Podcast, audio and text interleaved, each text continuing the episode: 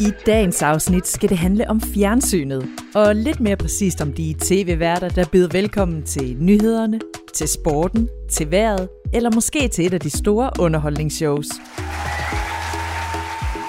For hvad tjener en tv-vært egentlig i løn? Det undrer Isabel sig over, og derfor, inden vi går videre, så giver jeg som det første års ordet videre til Isabel. Hej, jeg hedder Isabel. Jeg er syv år gammel, og jeg vil gerne vide, hvor mange penge man tjener, når man er tv-vært. Ja, hvor mange penge tjener en tv-vært egentlig? Til at svare på spørgsmålet, der kender jeg en, der ved helt vildt meget om fjernsyn og om tv-programmer, og som også selv har været med til at opfinde flere forskellige tv-programmer, og ikke mindst tv-stationer. Jeg hedder Kjell Reinicke, og jeg er 52 år, og jeg har lavet øh, mange forskellige tv-stationer. Du kender måske nogle af dem, øh, det hedder DR2, eller Zulu, eller Charlie. Og så har jeg lavet rigtig mange forskellige tv-programmer også. Så jeg er en af dem, som man kalder en tv-producer. Og mens Kjeld i dag er vild med sit tv-arbejde, så var det altså noget helt andet, han som lille dreng var vild med. For dengang der drømte han nemlig om at bruge sine lommepenge på computer og computerspil. Jeg drømte om at købe computer, så jeg kunne spille computerspil. Og jeg drømte om at kunne købe øh, alle de computerspil, der overhovedet var dengang. Mine forældre syntes ikke, jeg skulle købe dem.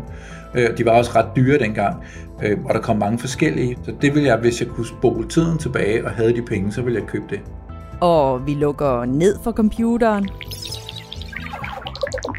og hopper tilbage til Isabels spørgsmål. For Isabel vil jo gerne vide, hvor mange penge man tjener, når man er tv-vært. Altså, tv-værter i Danmark øh, tjener ret godt. Det gør man generelt i hele verden, hvis man er en tv-vært. Det er meget forskelligt fra, hvad man laver og forskellige ting. Men hvis man ligesom skal tage sådan en gennemsnitspris, så øh, hvad hedder det, dem, der tjener mest, de er de værter, der laver underholdningsprogrammer og sportsprogrammer. Og de tjener sådan i gennemsnit øh, omkring 50.000 per program. 50.000 kroner. Cirka så mange penge tjener en tv-vært for hvert program, som han eller hun er vært i. Men selvom 50.000 kroner det er ret mange penge, så er der alligevel en ting, som det ifølge Kald er vigtigt at huske på. Det der er, det er, at mange af de her værter er ikke ansat på samme måde, som man er ansat, hvis man er, har et normalt arbejde. Så, man, så når jeg siger per program, er det også, det kan være 10 programmer eller 5 programmer. Det kan også være, at man er bare vært i et program, for eksempel. Så, så det er sjældent, at værterne er ansat særlig lang tid. Det er også derfor, prisen er ret høj. De er ikke ansat, ligesom man normalt er ansat. Mange tv-værter de er altså ikke ansat på samme måde som din mor og far eller mange andre voksne, der går på arbejde både mandag, tirsdag, onsdag, torsdag og fredag. TV-værterne de laver i stedet et eller måske flere programmer, og de programmer får han eller hun så løn for. Og nu har vi så styr på tv-værternes løn, og også på, hvordan mange af tv-værterne arbejder. Men hvad er det så egentlig, man helt præcist laver, når man har et job som tv-vært? Det man kalder det der, en tv-vært har et job, det er jo at formidle, men også at holde i hånden. Så det vil sige, at når et tv-program kører, så kan man sige, behøver vi overhovedet en tv-vært? Kan man ikke bare vise det uden en tv-vært? Men det kan man ikke rigtigt, fordi de her tv-værter, de gør, at vi føler os trygge, når vi ser et program. På deres forskellige måder, så fører de os igennem tv-programmet. Og det er ikke noget, man hele tiden tænker over, men man, man tænker over det, hvis de pludselig ikke er der, eller der er en, en studievært, som er rigtig dårlig. Fordi så kan det ødelægge hele programmet. Og udover at kunne formidle, som det hedder, når man fortæller, hvad der skal ske, for eksempel i et tv-program, så er der også andre ting, man skal kunne, når man er tv-vært. Udover at man skal kunne det, man, man skal som studievært, så skal man også have et godt image, og man skal måske have en god, øh, stor Instagram-profil. Der er en masse forskellige ting, man, man skal kunne for at kunne levere lige præcis det her. Og folk skal kunne lide en, for eksempel, øh, som også er rigtig vigtigt. Både børnene skal kunne lide en, men de voksne skal også kunne lide en, og ens mormor og morfar skal også kunne lide en. Så som tv-vært eller studievært, så skal man for eksempel også have et godt image. Det er det, det hedder, når der er mange, der godt kan lide en. Nå, men nu hopper vi så fra danske tv-skærme til udenlandske tv-skærme. For når det nu handler om løn, så er der nemlig en helt bestemt udenlandsk tv-vært, der napper titlen som den, der tjener allermest i jobbet som tv-vært. Der er en, der tjener helt vildt mange penge mere end alle andre i hele verden. Hun er faktisk dronningen af tv, og hun hedder Oprah og er en amerikansk tv-vært. Og hun har været tv-vært i mange, mange år.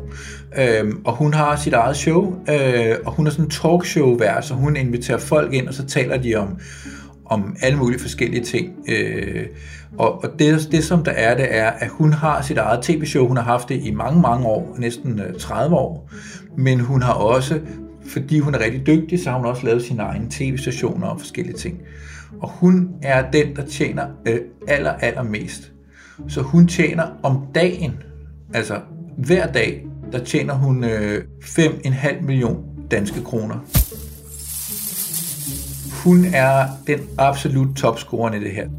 Ja, den amerikanske talkshow-vært Oprah Winfrey er altså den tv-vært, der tjener allerflest penge. Vi slutter afsnittet med et godt tv-råd.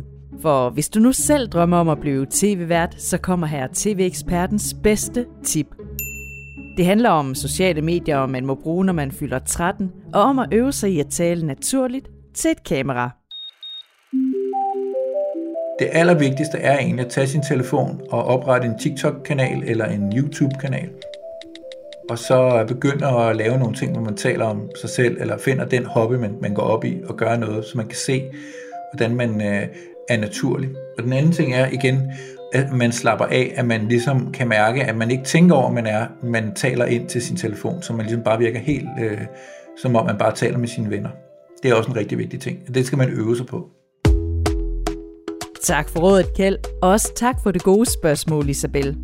Og hvis du nu, ligesom Isabel, også har et pengespørgsmål, som du gerne vil have eksperterne svar på, så skal du bare sende det til os i en mail på moneypedia og du kan spørge om lige præcis det, du vil. Det skal som altid bare handle om penge. Tak for nu, og tak fordi du lyttede med. Podcasten den er produceret af Go Little for Pengeskyen, Danske Banks familieunivers.